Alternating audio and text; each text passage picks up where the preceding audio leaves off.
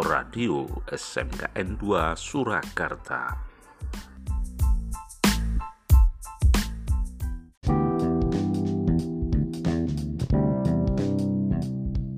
Halo, ini Mendikbud Nadiem Makarim ingin mengingatkan sebagai menteri dan sebagai orang tua bahwa untuk zona kuning dan hijau, sekolah tidak bisa mulai pembelajaran tatap muka tanpa persetujuan orang tua melalui persetujuan komite sekolah, yaitu perwakilan orang tua di masing-masing sekolah.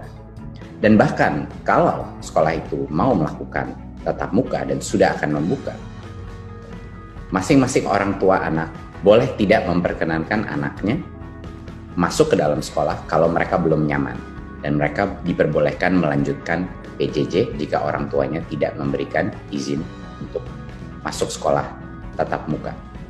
Dan yang kedua ingin saya ingatkan bahwa pada saat sekolah melakukan pembelajaran tatap muka, kondisi protokol kesehatannya sangat ketat.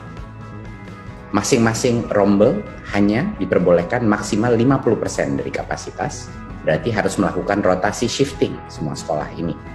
Dan juga tidak ada lagi aktivitas kantin berkumpul ekstrakurikuler yang akan ada resiko interaksi antara masing-masing rombel. Hanya boleh sekolah, langsung pulang setelah sekolah.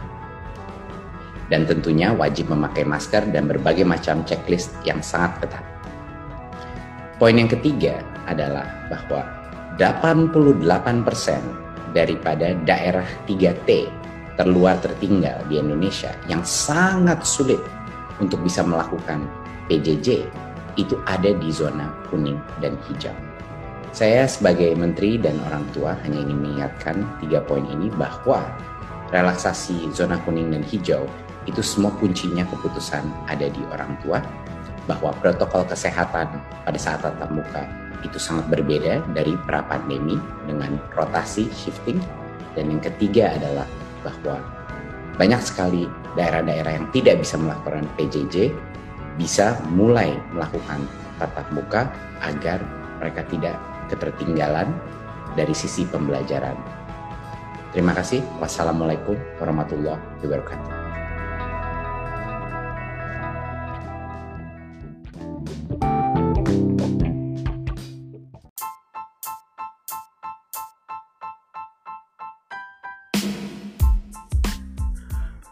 Radio SMKN 2 Surakarta.